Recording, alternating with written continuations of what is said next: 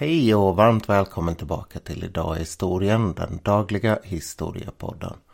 Som för tillfället har en lite långsammare uppdateringstakt just för att det är semester. Jag heter som alltid Nils Hjort och idag så är det den 4 augusti. Ett datum som innebär att det är 128 år sedan ett synnerligen brutalt dubbelmord i New England i USA. Ett dubbelmord som dessutom gjorde att jag förlorade en del sömn som barn. Det är så att minnesgoda lyssnare säkert minns att jag har nämnt att det finns en hel del sådana här saker som jag läste om som ung som gjorde att fantasin kanske gick några varv för långt. Till exempel Kaspar Hauser och hela det mysteriet.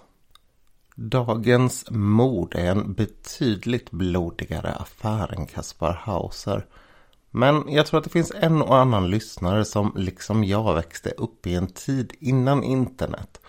Och som vet vad jag menar när jag säger att det fanns en del böcker. Kanske i bokhyllan hos ens föräldrar eller hos någon kompis. Eller som man visste exakt var de stod på biblioteket. Böcker som man kunde dra fram och titta i och som både skrämde och kittlade nyfikenheten i lika stor del. De här böckerna de innehöll gärna saker som Kaspar Hauser eller eh, Jack the Ripper eller sådana här saker. Och ett namn, det kom tillbaka lika ofta. Lizzie Borden. Dubbelmörderskan, eller i New England 1892. Det här dubbelmordet det har verkligen alla ingredienser som behövs för att det ska talas om 128 år senare. Adressen på 92 Second Street i Falls River i Massachusetts i USA det är ganska nära centrum i stan. Och stan det är en ganska rik stad som håller på att växa fort. Den är snart centrum för textilindustrin eller bomullsindustrin i USA. Och det är typiskt för utvecklingen i USA vid den här tiden. Det fanns folk som trillade rakt ner på botten av samhället och det fanns folk som nådde toppen. I det här huset så bodde Andrew Borden.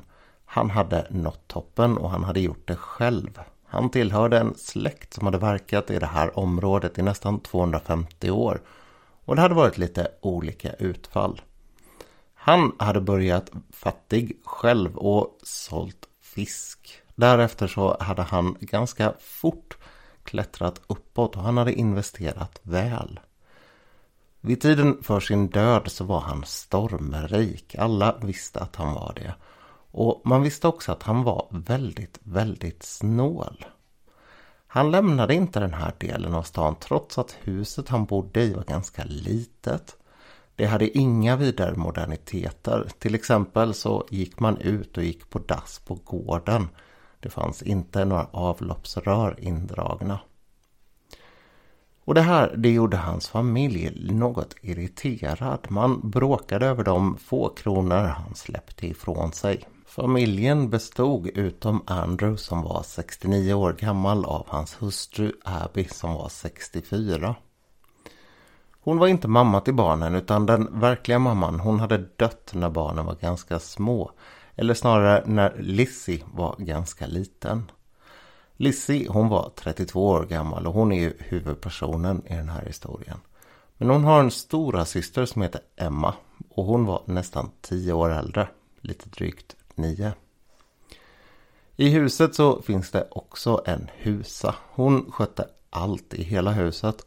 Och det var ju del av den här snålheten som pappa Andrew var känd för. Hon hette Bridget Sullivan och kom ifrån Irland, tror jag. Jo, Irland. Eh, och var 26 år gammal. Det är som sagt ett eh, litet och ganska slutet sällskap som finns här. Och det hade dessutom varit utsatt för en del konstigheter. Det hade varit ett misslyckat rånförsök. Det hade varit ett inbrott och det hade varit någon som hade varit inne i ladan som fanns på gården och stökat runt lite under åren. En del misstankar för det här det har riktats mot den unga Lizzie och att det var ett försök att få loss lite av pappans pengar. Men det hade egentligen bara lett till att det blev fler och fler lås inne i det där huset. Och att familjen möjligen kom lite längre ifrån varandra hela tiden. En verklig törn hade relationerna i huset fått sig ungefär fem år tidigare. Då hade styvmamman Abbys syster kommit under ganska dåliga omständigheter och hon hade inte råd att bo kvar i huset som hon hyrde. Det här kunde ju naturligtvis inte Abby acceptera utan hon fick sin nye man att köpa det där huset och låta systern bo kvar. Alldeles gratis förstås. Någonting som störde systrarna Emma och Lizzie. De såg ju Abby, sin styvmamma, som någon som hade kommit in närmast som en bedragare.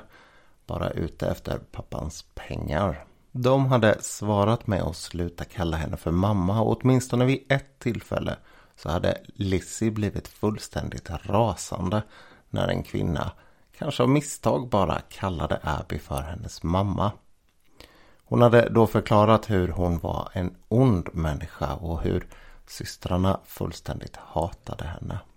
I huset natten före mordet så hade dessutom Emmas och Lizzys morbror funnits. Han hade kommit förbi utan att höra av sig för att stanna över natten. För han skulle hälsa på lite annan släkt i stan. Det hade dessutom funnits en magsjuka i huset och värst drabbade det var Abby och Andrew. Men på morgonen den här 4 augusti så hade även Bridget, husan, börjat känna av det hela. Abby och Andrew de käkade frukost ihop med morbrorn och sen gav han sig iväg. Lite senare så försvann pappa Andrew iväg. Han hade en del att göra ute på stan. Abby hon sa till Bridget att hon skulle börja tvätta eller putsa alla fönster i huset. Vid halv elva ungefär så störs hon av att eh, Andrew försöker ta sig in i huset igen. Han har lite problem med de tre låsen på dörren och hon utropar en liten halvsvordon där. När hon gör det så hör hon hur Lizzie fnittrar eller skrattar på ovanvåningen. Och när Andrew har kommit in så kommer Lizzie ner och säger att Abby har lämnat huset. Hon fick ett meddelande, en lapp. Där det stod att hon behövde ge sig av och hjälpa en väninna. Andrew han går in och sätter sig vid ett bord och börjar antingen hålla på med lite papper eller en tidning. Bridget hon försvinner iväg för att vila och Lizzie hon ställer sig att stryka lite näsdukar. Men hon ser snart att hennes pappa ser väldigt trött ut. Han är förmodligen vek av den här magsjukdomen fortfarande. Så hon hjälper honom att lägga sig till rätta på en soffa. Vad som sen händer, det vet ingen. Det är som sagt ett hus mitt i stan så man borde se om folk kommer och går. Men en timme senare, alltså vid halv tolv, så vaknar Bridget av att eh, Lizzie ropar att hon måste komma ner. Och när hon ropade vad det var som stod på så sa hon det är någon som har dödat pappa. Bridget hon kommer ner och när hon är på väg in i vardagsrummet där pappan finns så stoppar Lizzie henne och säger att du behöver inte se det här. Spring iväg och hämta doktorn istället. Medan hon ger sig av så är Lizzie kvar själv hemma och eh, när hon återvänder så har det möjligtvis dykt upp någon granne på platsen där. Läkaren han känner efter puls men inser att det här finns ju inte en chans. Därför att pappa Andrew han har fått tio yxhugg i huvudet medan han låg och sov. Det första skulle man säga i efterhand var tillräckligt för att döda honom och skallen den var nästan kluven. Det blir lite funderingar kring vad man ska göra i det här läget men man får hjälp genom en annan person att ringa. Andrew hade ju inte dragit in telefon i huset. Doktorn han ger sig av för att skicka ett meddelande till Emma, hon eh, stora systern alltså, som inte är i stan för tillfället. När han kommer tillbaka så har det utspelat sig en liten märklig situation där. Det är en grannfru som börjar prata med dem när det, hela uppståndelsen har kommit igång. Och man frågar sig var frun är någonstans. Lizzie hon säger att jag tror jag hörde att hon kom hem förut. Bridget, alltså husan, kan inte du gå upp och titta? Och hon svarar på det här. Jag tänker inte gå upp själv. Ett ganska märkligt svar kan man tycka. Eller var hon bara nervös för att det var någon som satt död i rummet bredvid? I vilket fall som helst så följer en granne med henne upp och när hon kommer upp så hittar hon sin chef, sin eh, föreståndarinna i eh, ett sovrum. Hon är halvvägs inne under en säng och har mottagit ännu mera våld mot huvudet. I efterhand så räknar man ut att det här är 18 eller 19 yxhugg i huvudet på henne. Och eh, de blir ju ganska upprörda och skärrade såklart. Doktorn han kommer tillbaka ganska lägligt och går upp och tittar hur det har gått och hur det ser ut. Och han kommer fram till att det måste vara så att mamman blir dödad först.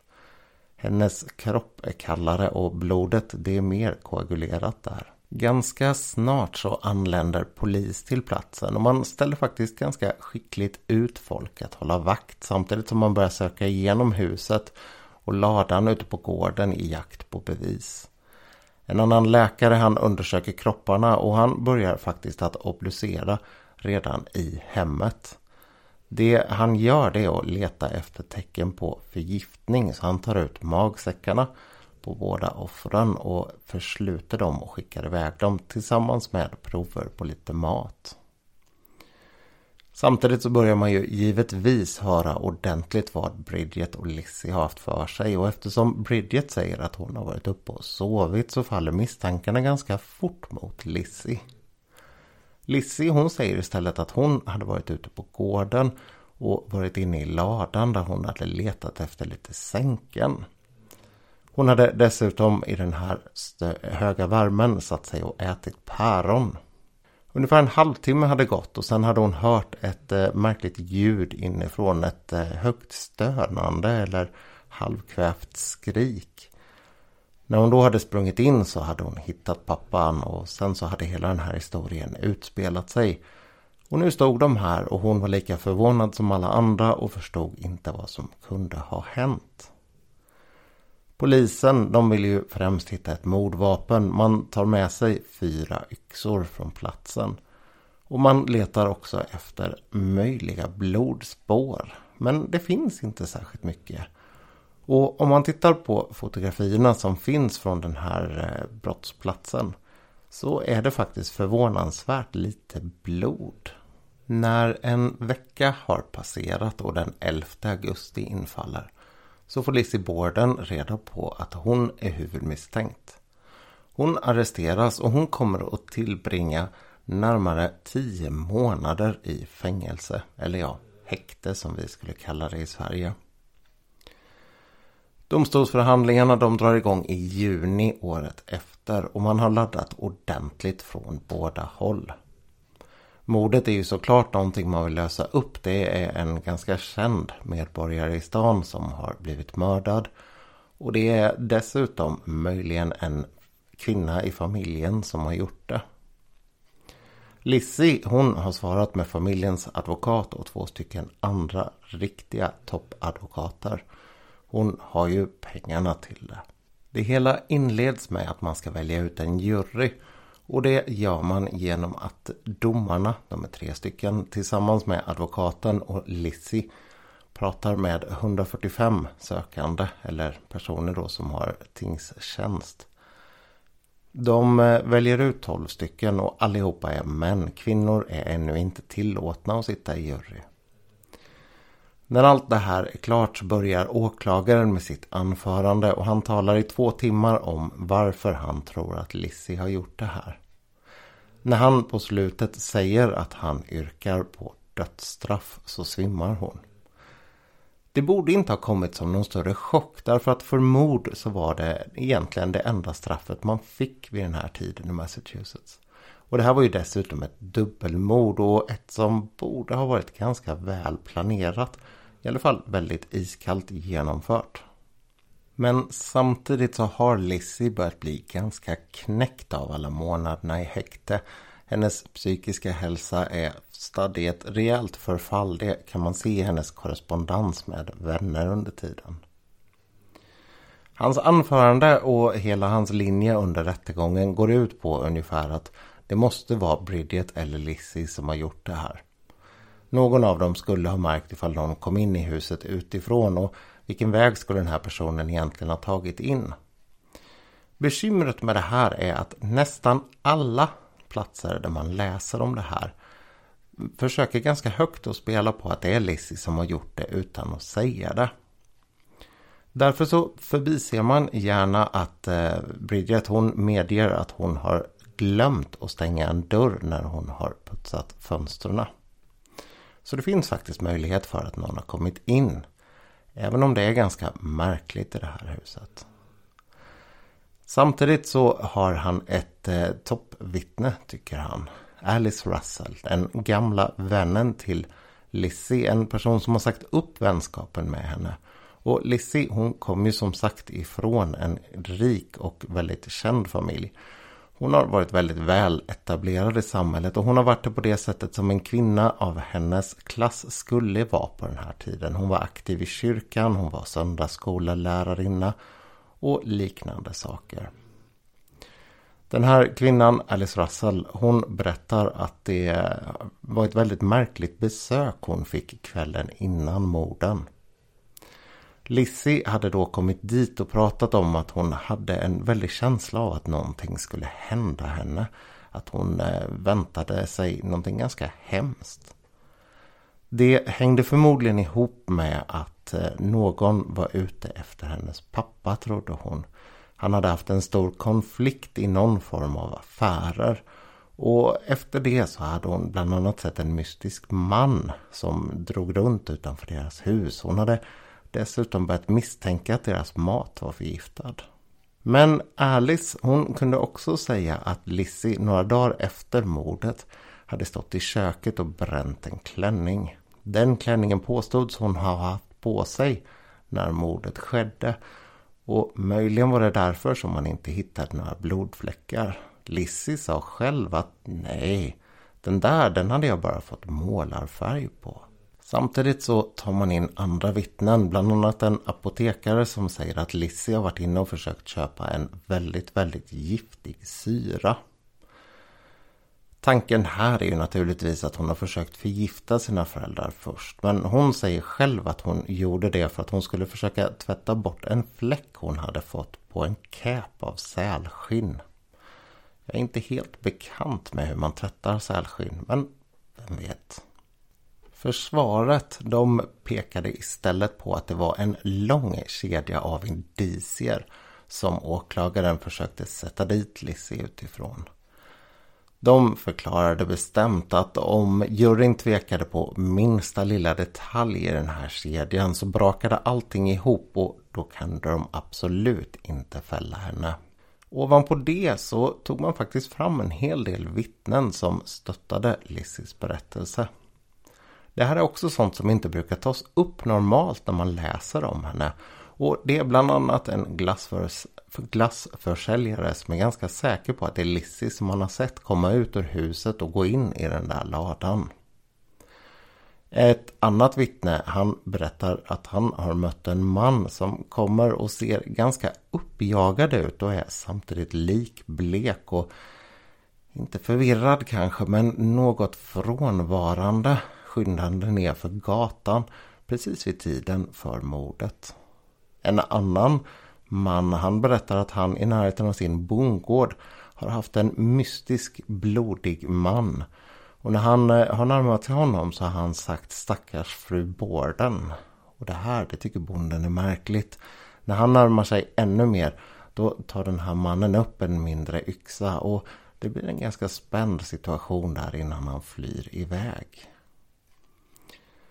Efter 13 dagar som sagt så är det dags för juryn att göra sitt. De går ut och det tar bara 90 minuter innan eh, huvudmannen, förmannen för juryn kommer tillbaka in.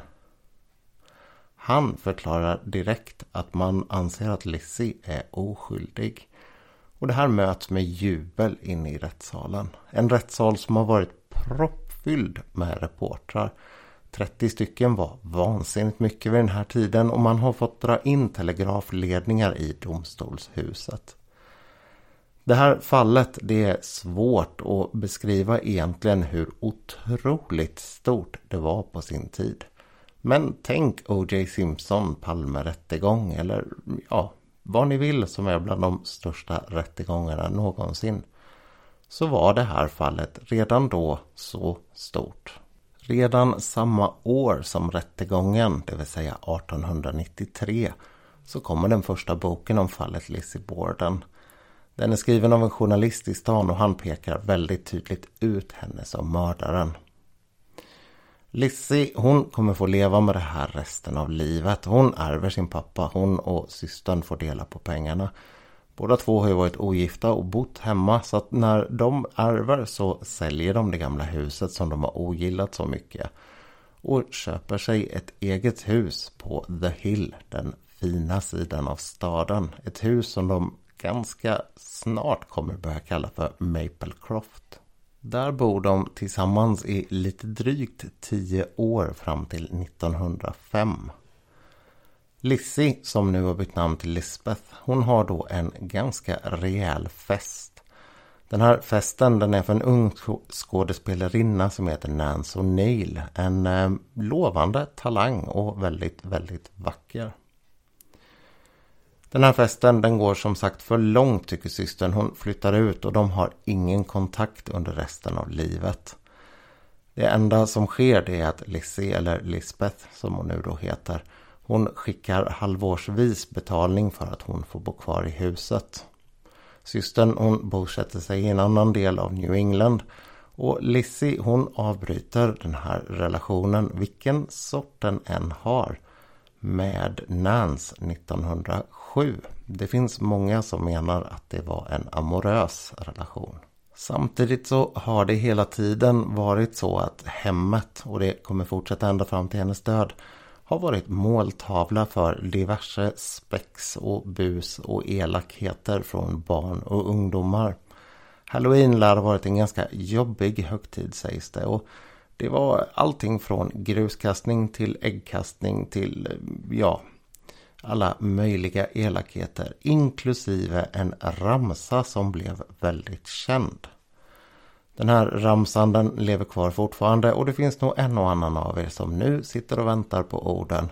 Lizzie Borden took an axe and gave her father forty hacks. When she saw what she had done she gave her mother forty one. Den här ramsan blir fruktansvärt känd. Och det är någonting som väldigt många i USA fortfarande känner till.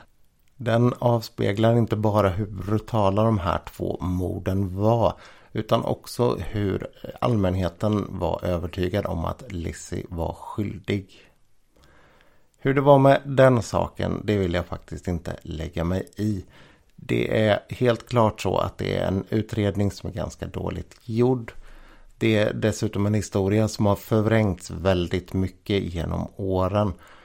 Just därför att folk har haft en agenda och sen så har det spridits vidare och man har bara valt de delar som passar för det man vill visa på.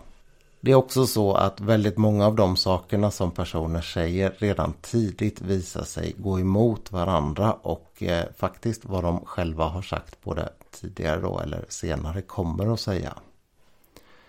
Det här har inte stoppat att böckerna och tidningsartiklarna, teaterpjäserna och senare filmerna bara har fortsatt att strömma ut kring det här mordet.